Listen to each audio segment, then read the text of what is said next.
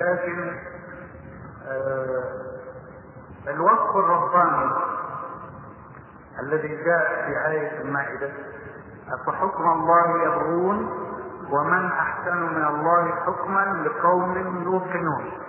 حكم الجاهلية. أفحكم أنا قلت ماذا؟ أنا أفحكم الجاهلية يبغون ومن أحسن من الله حكما لقوم يوقنون. الحكم نوعان اثنان لا ثالث له. إما حكم الله وإما حكم الجاهلية. وكل أرض وكل بشر لا يحتكمون إلى شريعة الله فهم في جاهلية بنص كتاب الله. الجاهلية المعاصرة لا تتحاكم إلى شريعة الله لا تعبد الله حق عبادته لا تعرف للألوهية حقها فهي جاهلية. نحددها كما تشاءون أنا قلت من الأول إنني أحتمل وحدي مسؤولية هذا التعبير ولا أحملكم مسؤولية.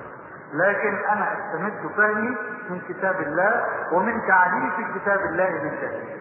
لم يقل كتاب الله إن الجاهلية عصر معين ولا أمة معينة. إنما وصف كتاب الله حالة معينة.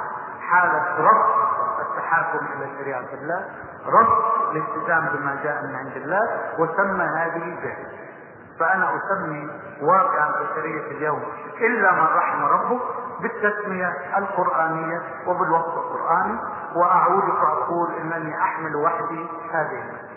بقيت السؤال عن علم النفس ينبغي لنا في كل مدارسنا وفي كل معاهدنا أن يكون لنا منطلق من الإسلامي في دراسة علم النفس والتربية والتاريخ والاقتصاد وعلم الاجتماع وأقول مستبشرا إن هناك بداية.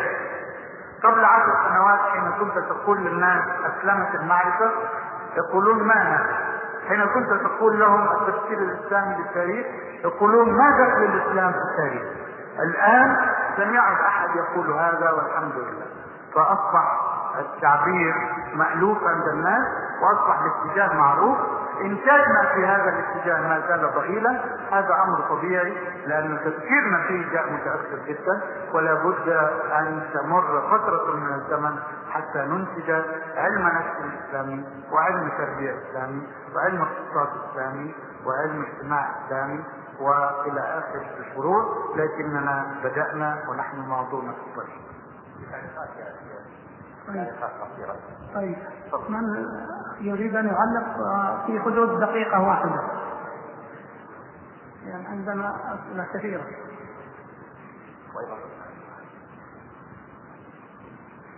يتكرم يعرف نفسه اولا كل معلق.